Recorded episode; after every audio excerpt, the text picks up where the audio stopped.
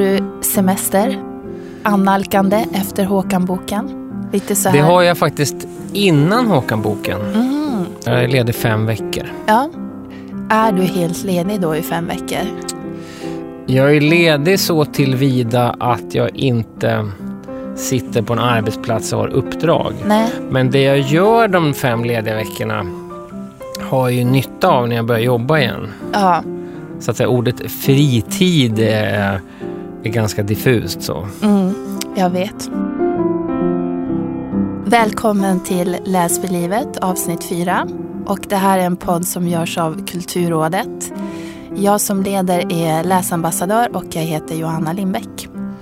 Och idag så heter gästen Jan Gradvall.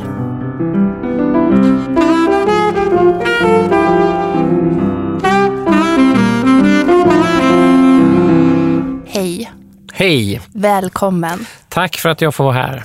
Vi ska prata om läsning och ditt yrke och lite sådana aspekter. Men först vill jag fråga om Håkan-boken, för du håller ju på att skriva en bok om Håkan Hellströms konsert i Göteborg. Som gick i lördags, eller hur? Visst var det så? Ja, konserten var lördag den 7 juni. Ja. Och det är ju en fotobok. Så att elva fotografer var på plats då och dokumenterade den här konserten, eller egentligen hela dygnet. Och eh, framförallt Paul Hansen, en av världens främsta fotografer som har varit i många krigszoner och så. Han föll i Håkan i bokstavligen i ett dygn i hälarna sådär. Och då skriver jag texter till den här fotoboken. Och det, det som jag tycker är väldigt kul är att jag har försökt tänka på den här boken att den ska hamna på ett antikvariat. Så att om 20 år ska man kunna plocka fram den här lite gulnade boken och ändå få en känsla av hur det här dygnet var. Mm. Det jag skriver det är inte en sammanhängande text Mm. utan det är olika fragment som kan ligga bredvid bilderna. Men det kommer ju vara all grundinformation kommer finnas där. Det vill säga vilka låtar han spelar, det kommer ju såklart vara med. Mm. Men man behöver ju inte upprepa.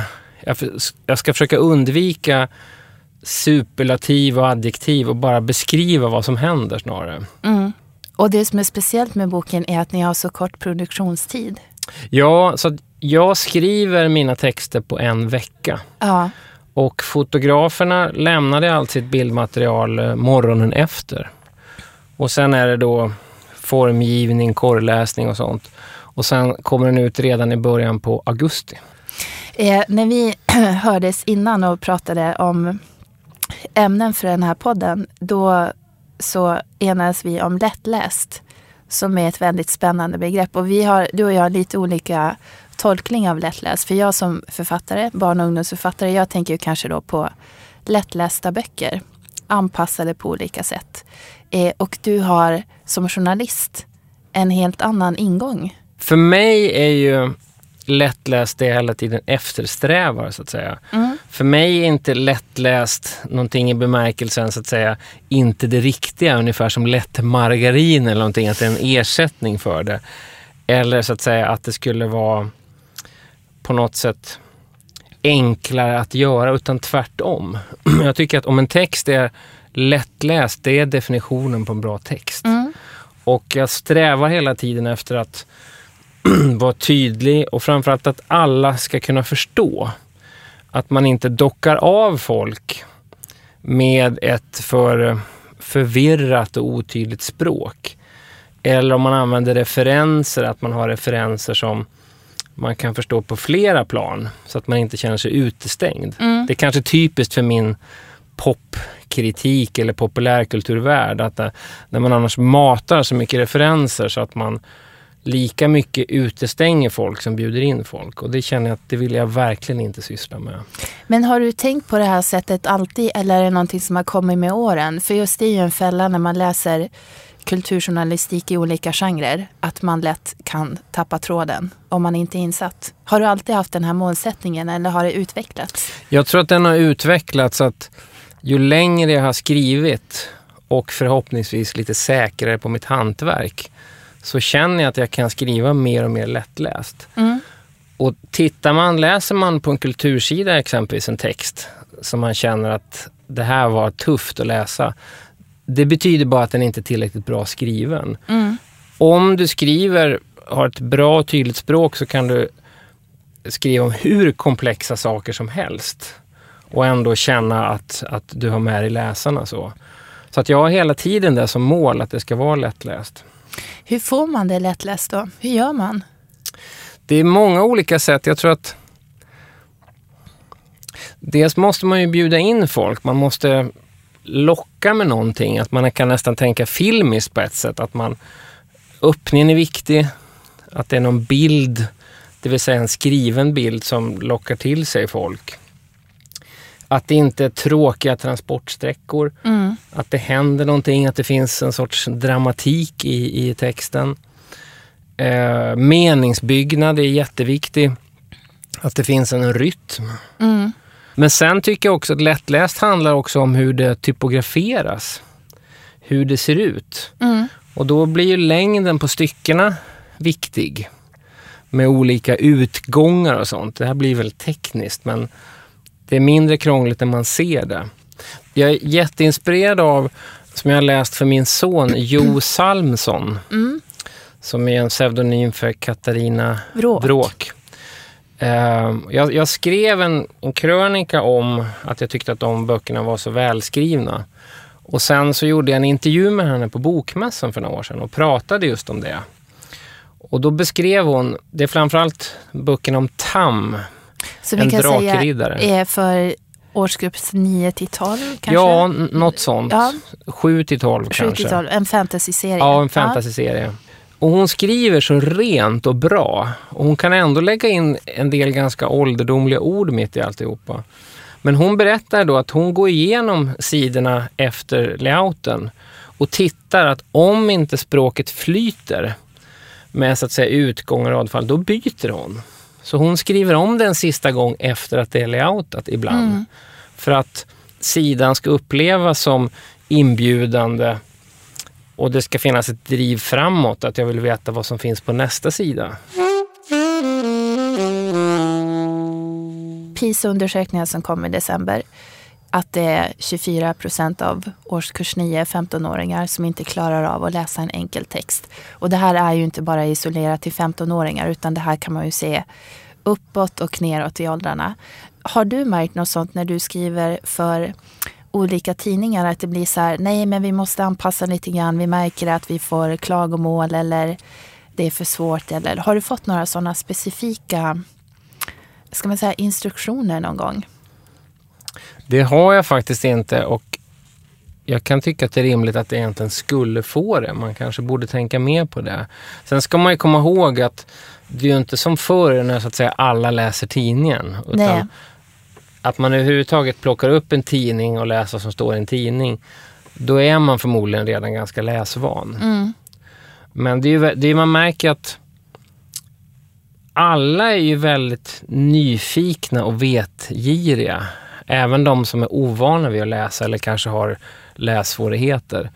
Så att då är ingången är ju att hitta ett ämne som angår dem och sen presentera det på ett bra sätt. Jag menar Zlatan-boken är ett lysande exempel på en bok som väldigt många har läst som aldrig har läst en bok tidigare. Mm. Så att, eh, och det behöver ju inte nödvändigtvis vara Zlatan men man kanske ska tänka på i skolan och så när man introducerar böcker att det viktigaste där är att det är ett ämne som de tycker är roligt och coolt så att säga. Och, och då, man kan ganska enkelt läsa av vad man snackar om och tycker är intressant så. Mm.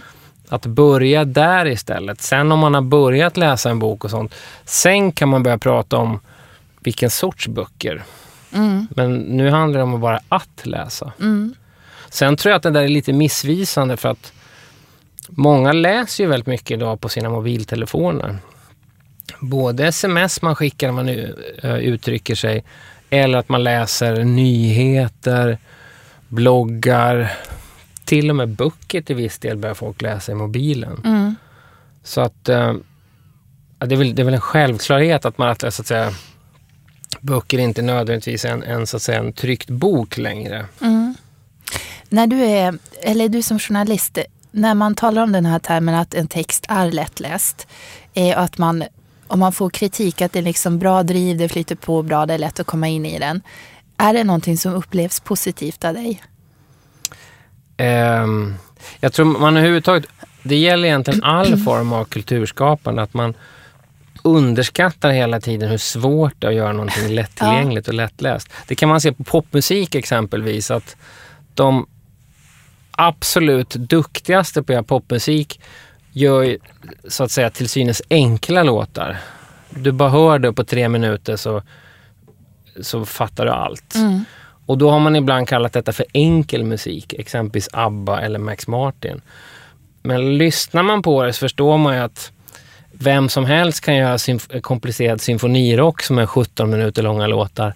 Men att göra en SOS av ABBA eller en Roar av Katy Perry som Max Martin har skrivit. Det är fruktansvärt svårt.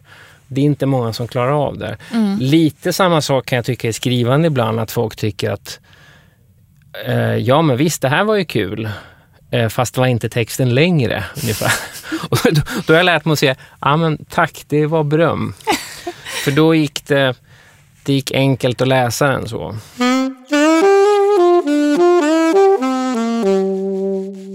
Du har ju precis kommit, eller precis, men du har i vår kommit med en bok som är en sammanställning av massa av dina texter.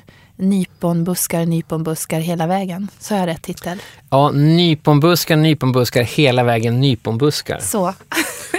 ja, och i, när den kom eh, så läste jag en recension av den i Expressen som var skriven av Fredrik Wikingsson. Som jag tyckte det var en bra text, jag gillar den texten. Och där skrev han bland annat, eh, den var väldigt personlig och han berättade att han hade blivit så imponerad när du började skriva för då hade han hört att du var ju frilans, skrev för pop och så vidare men på fredagar var du ledig och då satt och läste tidningar. Eller du var inte ledig men du ägnade inte dagen åt att skriva utan du ägnade dagen åt att läsa. Är det här någonting du fortfarande gör? Jag borde odla mytbygget och säga ja. ja. Säg så här, det är någonting jag strävar efter men tyvärr inte riktigt kan leva upp till. Det där var tiden innan man hade barn till exempel. Men det är ju viktigt att all skrivande börjar ju läsning någonstans. Så mm. det är ju viktigt att ge tid att läsa. Men vad läser du då? När om du tänker så här yrkesmässigt, vad, vad använder du för texter? I veckorna när jag skriver, att jag bevakar ju saker och skriver i Dagens Industri framför allt. Deras bilaga då till Weekend. Då blir det att jag sitter och läser en massa artiklar. Eller ibland så skaffar jag en bok som jag ska läsa egentligen bara för att ta reda på någonting. Så att jag läser ju väldigt mycket men jag kan ibland sakna det här att jag läser någonting utan att använda det så att säga. Mm. Men när du säger att du läser tidningar och böcker, är det svenskt, är det utländskt? Jag skulle säga att det jag läser är nog säkert till 75 procent utländskt faktiskt. Mm. Och då är ju engelska det enda språk jag behärskar så att jag blir nog oproportionerligt anglofierad så att det blir ganska mycket England och USA. Mm. Men i mitt fall är det inte så ologiskt heller för att det vad det gäller populärkultur så är det väldigt dominerande så. Mm. Men jag känner också ibland att jag att jag nästan begränsar vad jag läser svenskt för att jag känner att jag vill försöka ha en egen röst gentemot andra. Att det är så väldigt lätt att upprepa samma saker som, som så att säga kollegor gör på andra tidningar. Så jag, jag brukar ofta, i Dagens Industri brukar jag gissa vad kommer de andra skriva om på fredag? Och tyvärr kan jag gissa rätt ganska ofta. Och då gör jag inte det så att säga. Nej. Det får inte bli krystat heller, man vill ändå spegla vad som händer. Men ibland läser man för att få reda på vad man inte ska göra faktiskt. Har du, eller det har du säkert, när du läser tidningar och du måste ju ha vissa verkligen journalister som du tänker, åh nu har den här kommit, den har skrivit en ny artikel i den här eller skrivit en recension eller en krönika eller någonting. Att du har vissa favoriter. Ja, det har jag förstås. Kan du säga någon? Ja, en som kanske då förefaller otypisk är eh, Karin Thunberg på Svenska Dagbladet. Hon skriver en del för Vi har jag sett också, men jag har främst läst henne i Svenska Dagbladet. Jag tycker hon är otroligt bra på att göra personporträtt framför allt. Att hon lyckas alltid med någon sorts variation av tempo. Hon är otroligt bra på öppningar på texter och sådär. Och lyckas ändå... Det är alltid den hon skriver om som det handlar om och ändå känner man, aha, det här är Karin Thunberg som har skrivit. Så hon mm. tycker jag är jättebra. Sen tycker jag att Kathleen Moran, som i Sverige är mest känd då för den här, eh, hennes bok om hennes uppväxt och feminism och så. How Men, to be a woman. Precis. Ja. Hon är ju journalist så att säga. Så hon levererar otroligt mycket text i Times varje vecka. Och som jag har börjat betala för den här betalväggen då. Det kostar inte så mycket bara för att läsa henne. Åh, du gillar henne så mycket. Ja, ja. och, jag, jag, tycker att hon är också så... Eh, också en väldigt underskattad sak att skrivande är ju så att säga vara rolig. Det kan ju också tyckas, ja ja den här är ju rolig. Men det, återigen är det väldigt svårt. Det är inte mm. många som behärskar det. Men hon, hon är fenomenal på att kunna vara dräpande rolig och samtidigt säga någonting insiktsfullt och till och med väldigt allvarligt. Vi ska ta som avslutning är det alltid boktips. Så varje gäst får berätta om en bra bok. Vilken har du valt? Eh, ja, då har jag valt en bok som jag läste förra sommaren. Som en sån här bok som man läser när man faktiskt inte ska skriva om den. Eh, och han heter Edmund de Waal och den heter Haren med bärnstens ögon. Den har jag hört talas om. Jag har inte läst den, men jag har hört mycket om den. Den rekommenderas eh, verkligen. så. Det handlar egentligen om att han som skriver, han är en väldigt framstående keramiker och konstnär i England. Men då skriver han om sin familjehistoria genom en sån japansk porslinsfigur eller en hel samling med sådana han har fått. Och då spårar han den här samlingen och den har vandrat i hans judiska släkt.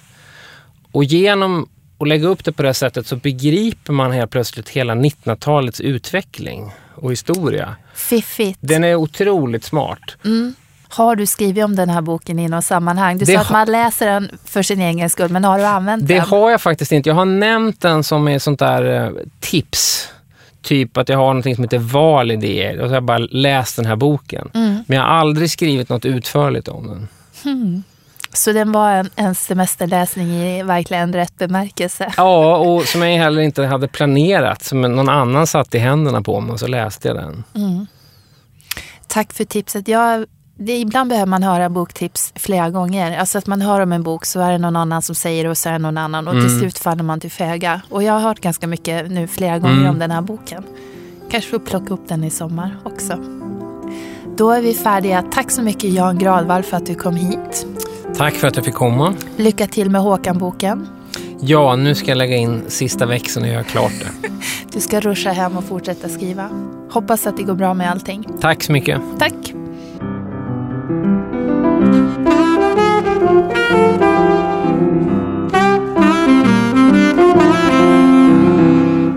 för livet görs av produktionsbolaget Munk.